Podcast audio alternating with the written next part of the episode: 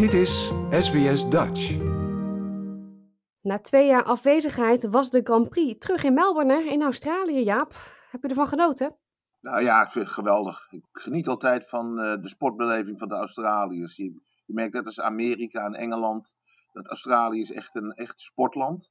En uh, nou ja, ik dan inderdaad zelfs kinderen echt verstandig hoor praten over hoe ze de Formule 1 beleefd hebben. Ja, dan uh, dat is gewoon heel mooi om te zien. En ik, ik weet ook zeker dat de rijders het een feest vinden om in Australië te rijden.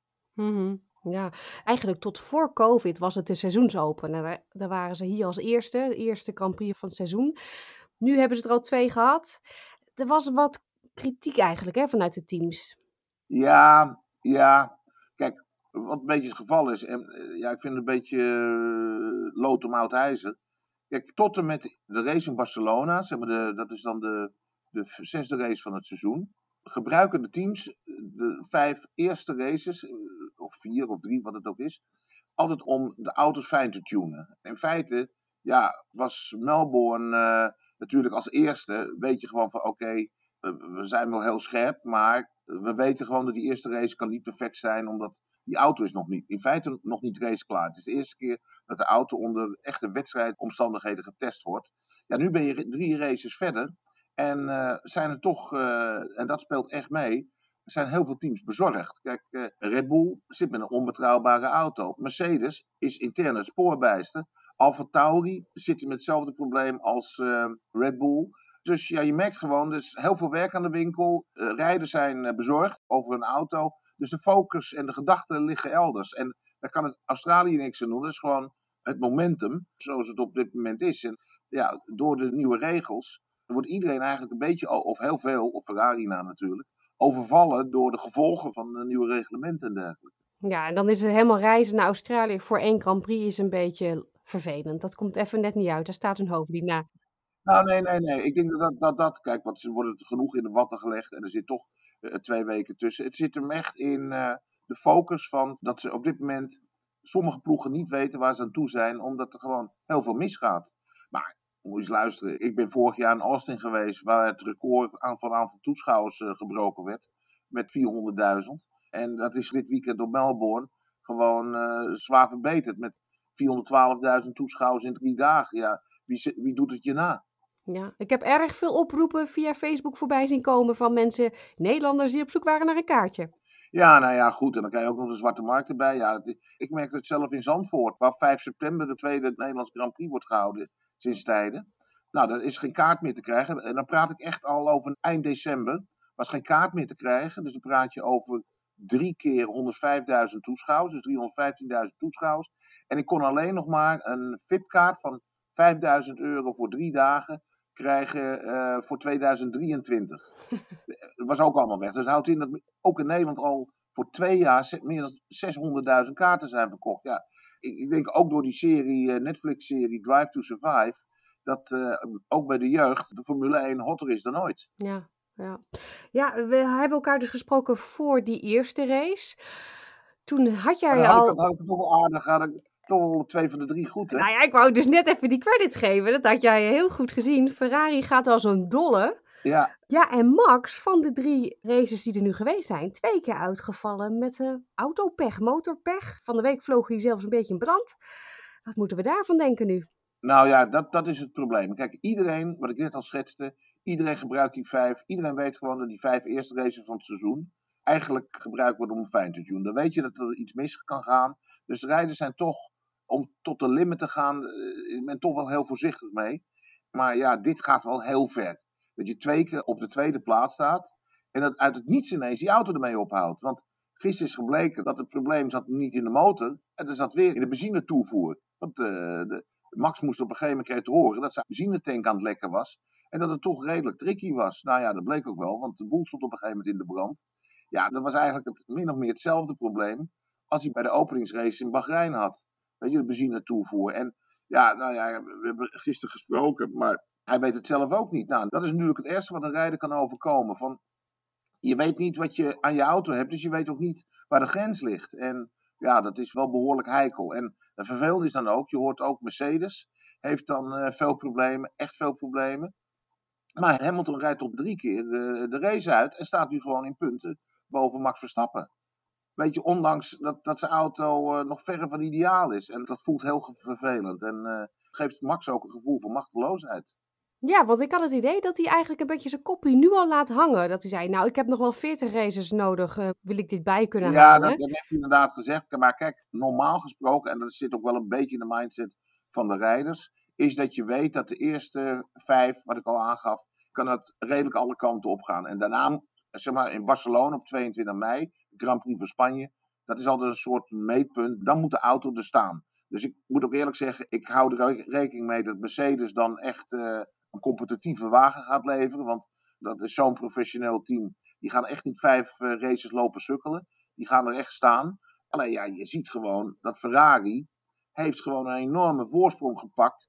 Door vorig jaar dat seizoen te laten lopen. Terwijl Red Bull en Mercedes tot op het laatst competitief moesten zijn voor de wereldtitel. Ja, en, wat dat betreft heeft Mercedes gewoon uh, een enorme voorsprong qua tijd gehad om die auto uh, te perfectioneren. Ja, nou, die tijd moeten Red Bull en, uh, en Mercedes nu inhalen. Nou, je bedoelt Ferrari, die had heel veel tijd, ja.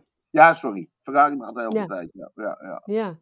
Ja, want laten we het even over Leclerc hebben. Uh, Leclerc en, uh, en Sainz. Ja, zondag viel Sainz dan uit, maar uh, Leclerc doet het echt geweldig natuurlijk. Ja, het, die heeft het momentum. een ideale rijder in een ideale auto. Die supersnel is. En ja, hij, hij, was gisteren toch wel een klein beetje overmoedig. Want je zit natuurlijk nu toch in een soort veredelde testfase. En iedereen zit toch naar elkaar te kijken. Wat kan de auto wel, wat kan de auto niet. En ik begreep gisteren dat het toch een, een toch een een pittige discussie naar de race is ge gevoerd tussen Leclerc en de leiding van Ferrari. Omdat, uh, kijk, Leclerc reed een fenomenale laatste ronde. Dat was de snelste ronde waarmee hij een punt pakte voor het WK-klassement. Maar hij was ook nog eens een keer een seconde sneller dan Perez. Kijk, en dan gaan alle bellen rinkelen. Want in de voorgaande ronde was het steeds drie tiende, vier tiende seconde voorsprong. Nou goed, dat, dat weet je dan. Maar als je in de laatste ronde na zo'n race een seconde sneller rijdt, ja, dan geef je de, concurrentie een dubbele dwars uh, wake-up call. Dus er was het verwijt op gisteren. Ja, je hebt er nu voor gezorgd dat zeg maar, de troef die we nog achter de hand hadden, dat we eigenlijk nog behoorlijk veel pk's over hadden, dat je dat nu open en bloot hebt gelegd om je eigen, ja, je eigen ego even te volgen. Met als gevolg dat nu, zowel bij Mercedes als bij Red Bull, alle koppen bij elkaar worden gestoken om dit uh, probleem te analyseren. Of dit gegeven te analyseren, dat een auto dus in deze fase zelfs een seconde sneller gaat. Dus wat dat betreft eh, is hij ook wel een beetje overmoedig. Is het ook de achterliggende gedachte die ze hadden dan aan het einde, hoorde je Leclerc zeggen van, kom op, ik wil harder, ik wil dat snelste rondje op mijn naam hebben. En dat zij zeiden, nee, nee, nee, we denken niet dat ze daar nog overheen gaan komen. Hij wilde nog harder. Ja, en, dat, en vervolgens ging hij tegen de stalorders in, deed hij het toch. Ja. Kijk, en toen was het gat bleek ineens een seconde te zijn op versleten banden in de laatste ronde. Dus ja, als je daarmee de concurrentie die wakker schudt, nou, dan, uh, dan weet ik het helemaal niet meer. Ja, precies. Ja. Je noemde net al de naam van uh, Perez. Dat is de teamgenoot van Max Verstappen, Checo ook wel uh, genoemd. Um, ja, ja. Hij doet het gewoon hartstikke goed. Hij staat weer op het podium. Hij rijdt ook in een Red Bull. Hoe, hoe kan het dat hij niet die problemen heeft die Max Verstappen wel heeft? Nou ja, maar je ziet wel dat bij Perez ook het gevoel van onzekerheid leeft. Want hij heeft natuurlijk uh, in Bahrein, had hij een ronde na Max, had hij hetzelfde probleem met de benzinetoevoer. En nu was het meteen nadat Max was uitgevallen, de eerste uh, opmerking door de boordradio is, wacht mensen, wat staat mij te wachten? Is mijn auto nog wel safe? Ik denk dat hij gewoon, uh, dat hij dit keer gewoon geluk heeft gehad en Max pech. En vorig jaar was het een paar keer gewoon precies andersom. Dat de auto van Max heel bleef en dat Perez gewoon pech had. Maar Checo is gewoon een, een fantastische coureur en we hebben kunnen zien wat, wat, een, wat een vechter en wat een warrior het is tijdens de laatste race in Abu Dhabi. Toen hij Hamilton natuurlijk helemaal uh, de stuip op het lijf joeg. Hmm. Ja. Hoe gaat het met Hamilton? Want die is natuurlijk niet gewend aan, aan zo achteraan rijden of middenin starten en niet op het podium staan. Nou, die zwaar gefrustreerd. En kijk, iedereen dacht dat hij een beetje typisch Hamilton klagen voor het begin van het seizoen en mouwen. Maar hij heeft wel gelijk. En ja, je ziet gewoon dat uh, binnen de Formule 1 de standaard zo ongelooflijk hoog is. Dat als jij gewoon één of twee maanden achterstand oploopt. ten opzichte van een team bijvoorbeeld als Ferrari of, of, of Haas of wat dan. Ja, dan heb je gewoon een probleem. Het niveau van topsportbedrijven is in deze branche zo ongelooflijk hoog. Dat, dat als je even niet oplet, ben je gezien. En ja, die ongelooflijk spannende Formule 1 seizoen van vorig jaar speelt op dit moment Mercedes en Red Bull parten. Ze zijn gewoon tijd tekort gekomen om uh, ja, de, de, ontwikkeling bij Ferrari uh, te kunnen volgen. En Ferrari heeft vorig jaar gewoon een seizoen ingeleverd. Die zijn gewoon maanden van tevoren hebben gewoon uh, besloten: dit wordt hem niet. We gaan gewoon, ik kan me herinneren, als een paar keer zelfs niet eens bij de eerste team waren. Gewoon om dit seizoen er gewoon te staan. Nou ja, je ziet het verschil. Ja, ja.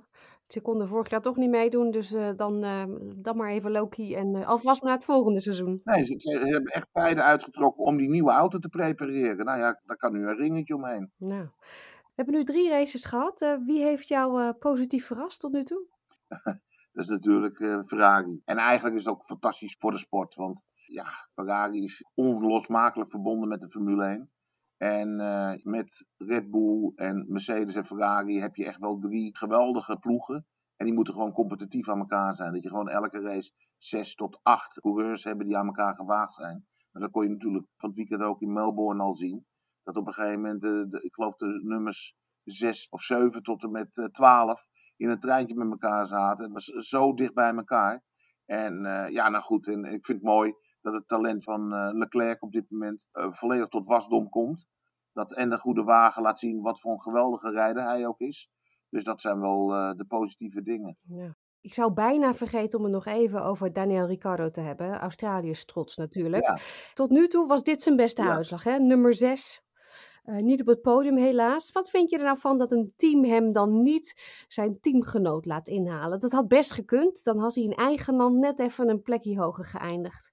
Ja, maar dan kom je toch bij, uh, bij de rijder zelf. Je, ik denk dat er is geen team die iemand uh, achter, achter een teamgenoot laat rijden als hij niet sneller is. Ik denk gewoon dat Lando Norris gewoon dit keer gewoon sneller was. En dan ligt het heel moeilijk om iets cadeau te geven.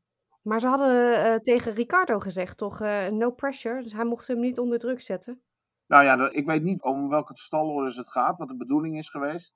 Maar kijk, misschien dat op basis van de, dat de data hebben aangegeven dat, dat ze op de grens zaten. En dat ze niet moesten forceren. Want ja, als er dan twee rijders, eh, omdat ze met elkaar in een battle gaan, de auto uh, opblazen, ja, daar, koop je er helemaal niks voor. Nu hebben ze toch punten gescoord, ook voor het teamklassement. En dat telt ook allemaal mee. Dat gaat ook om miljoenen. Ja, wat vind je ervan, de, die regels? Daar hadden we het al over gehad. Die zijn veranderd. Is dat een, een, een mooie bijkomstigheid? Is het leuker geworden, vind je? Nou, absoluut. Als dit het beeld wordt voor het komende seizoen, nou, dan dan denk ik dat overal in de wereld de circuits gaan uitpuilen. En we hebben natuurlijk uh, een geweldige race, de battle tussen uh, Leclerc en Max gehad in, in Jeddah, bij de grote prijs van Saudi-Arabië. Als je gisteren zag hoeveel inhaalacties er waren, hoeveel echte gevechten er waren, echte mooie duels.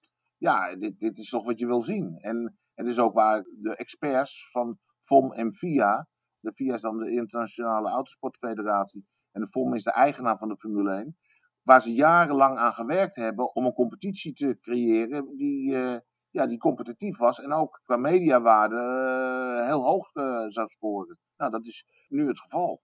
Dankjewel, Jaap de Groot, sportjournalist. Verspreek je snel weer. Heel graag. Like, deel, geef je reactie. Volg SBS Dutch op Facebook.